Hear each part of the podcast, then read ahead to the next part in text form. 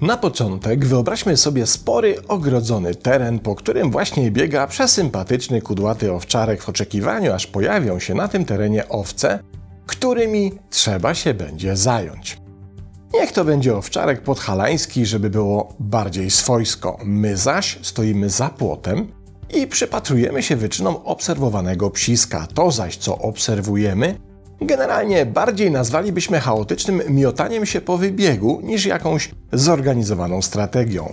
Podhalan bowiem podbiega do ogrodzenia i szczeka, ale tylko raz, by już po chwili postanowić biec w dokładnie przeciwną stronę. Ale ledwie po kilku metrach nagle psisko rzuca się w bok, bo dojrzało coś w trawie. Jego zainteresowanie trwa jednak tylko chwilę, bo znowu coś go zaniepokoiło przy płocie, więc leci, by szczeknąć. Jednak już w połowie drogi przypomniało mu się, że dobrze by się było czegoś napić. I tak dalej, i tak bez końca. Z pozycji bezstronnego obserwatora zaczynamy powoli odkrywać kilka charakterystycznych efektów takiego zachowania. Widzimy więc, że z każdą minutą tego szaleństwa owczarkowy język zaczyna coraz to bardziej zwisać, co jest precyzyjnym sygnałem rosnącego wyczerpania. Widzimy również, że mimo tak wielkiego wkładu energetycznego, owczarek nie ukończył żadnej z czynności, za którą się zabierał. Czasem rezygnował z niej tuż po jej rozpoczęciu, a czasem nawet nie zdążył rozpocząć realizacji zamierzonego planu, bo zanim dotarł do miejsca jego rozpoczęcia, jego uwagę zwróciło coś innego, w kierunku czego się rzucał, rezygnując z wcześniejszych planów. A to oznacza, że nasz pies w swoich działaniach nie tylko jest wysoce nieskuteczny, ale też coraz bardziej zmęczony, co niweluje szanse na to, by w kolejnych zamierzeniach mógł osiągnąć choć najmniejszą sprawczość. A przecież czekamy na pojawienie się owiec, czyli czynności właściwej, tej, dla której w ogóle owczarek się na obserwowanej przez nas łące znalazł. Teraz opuśćmy w naszej wyobraźni ten teren i pozostawiwszy sobie w tyle głowy obrazek rozbieganego owczarka, przyjrzyjmy się już konkretnym przykładom.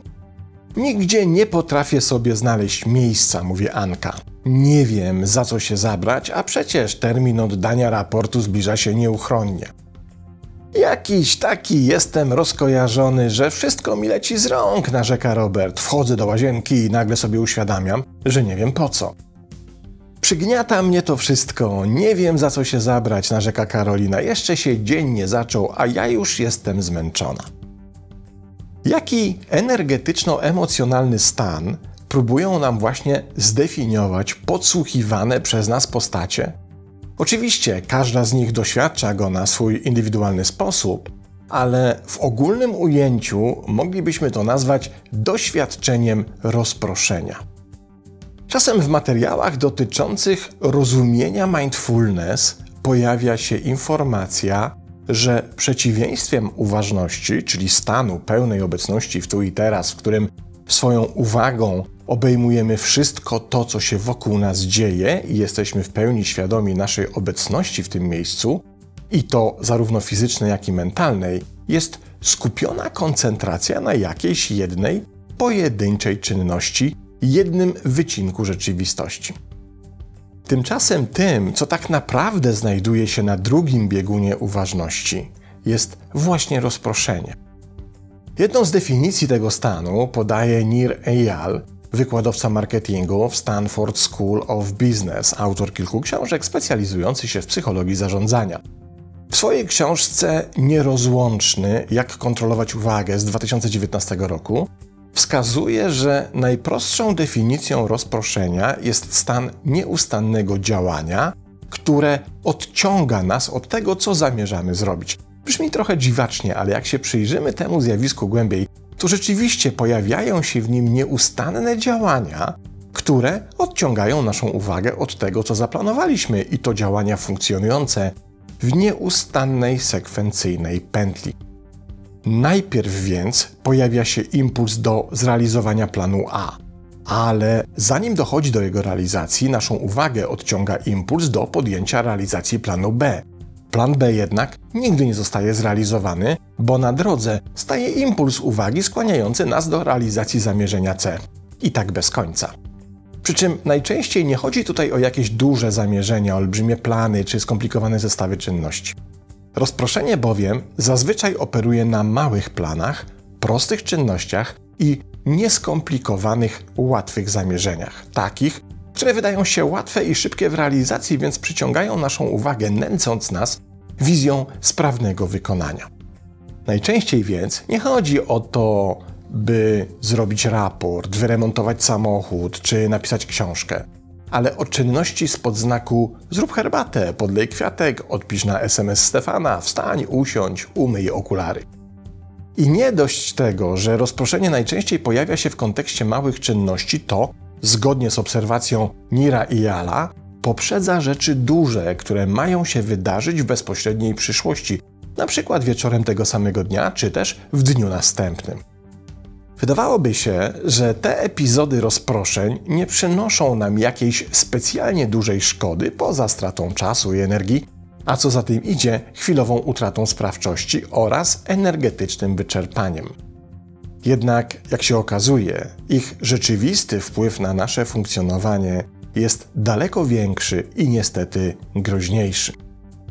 Udowodniono to w badaniach, np. tych z 2006 roku, w których zespół naukowców z Wydziału Anestezjologii i Medycyny Okołooperacyjnej New Jersey Medical School sprawdzał wpływ rozproszenia poznawczego w okresie przedoperacyjnym. W badaniu wzięło udział 112 dzieci w wieku od 4 do 12 lat, które oczekiwały na operację i którym zmierzono najpierw skalę lęku. Następnie badanych podzielono na trzy grupy: kontrolną, w której nie zastosowano żadnych ingerencji, oraz grupę, w której podano lek przeciwlękowy, i grupę, w której uczestnicy przed operacją grali w grę wideo, koncentrującą ich uwagę na konkretnych zadaniach. Okazało się, że dzieci z trzeciej grupy były jedynymi, które w drugich badaniach lęku tuż przed operacją wykazały jego najniższy poziom.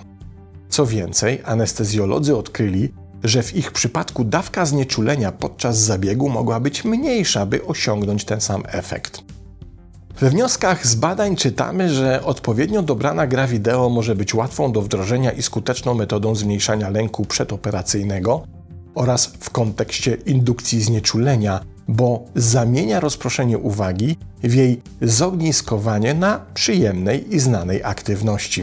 A to oznacza, że w stanie rozproszenia uwagi nasz organizm funkcjonuje zupełnie inaczej, na przykład pod względem radzenia sobie ze stresem czy lękiem. Można by się oczywiście doczepić, że zacytowane badanie nie może być w pełni miarodajne, bo przecież brały w nim udział wyłącznie dzieci. Jednak w 2011 roku podobne badania przeprowadzono na dorosłych. Naukowcy z Centrum Badań Rzeczywistości Wirtualnej z Uniwersytetu Waszyngtońskiego zaprojektowali specjalną grę wideo, której zadaniem było odwrócenie uwagi pacjentów od swojego obecnego stanu i skupienie jej na, tutaj zacytuję, innym zestawie okoliczności. Chodziło zaś o sprawdzenie, czy taka manipulacja uwagą będzie miała wpływ na poziom odczuwania bólu w trakcie zabiegów czyszczenia ran. Okazało się, że ci pacjenci, którzy w trakcie zabiegu grali w grę, odczuwali o 50% mniej bólu od pozostałych. W przypadkach obydwu opisanych wcześniej badań zadaniem gry było pokonanie rozproszenia, co przyniosło niezwykły efekt w funkcjonowaniu organizmu. A to przecież jedynie badania związane z bólem doświadczanym w trakcie zabiegu medycznego czy lękiem przed takim zabiegiem.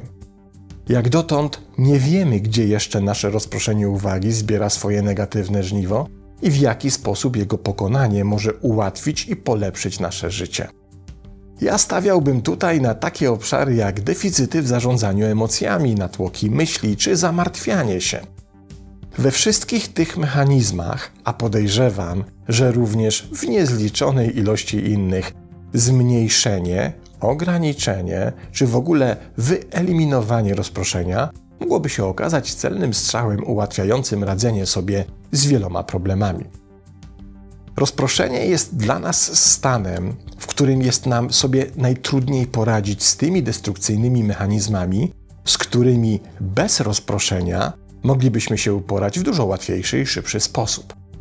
Jeśli użylibyśmy tutaj metafory pływania, to różnicę można by zobrazować porównując pływanie w basenie z czystą wodą o idealnej temperaturze z pływaniem w podgrzanym kisielu. Wspomniany wcześniej Nir Eyal przekonuje, że to właśnie w umiejętnościach radzenia sobie z rozproszeniem tkwi klucz do zdobycia umiejętności radzenia sobie z tym, z czym do tej pory mamy kłopot, by sobie poradzić. Bo nasz mózg w rozproszeniu zachowuje się dokładnie tak jak owczarek z początkowego przykładu. Jest nieustannie prowokowany do działania, które porzuca przed jego ukończeniem, bo ulega pokusie kolejnych prowokacji do działania.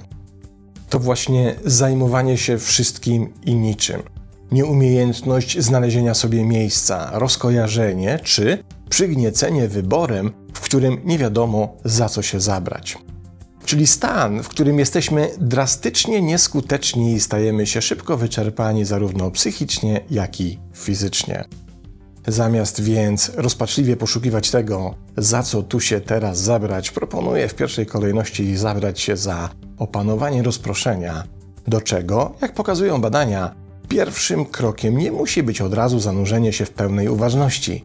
Wystarczy przekierować swoją uwagę na wyłącznie jedną rzecz i konsekwentnie ją na tej rzeczy utrzymać. A wtedy okazuje się, że rozproszenie pryska i przestaje mieć władzę nad naszym umysłem. Pozdrawiam.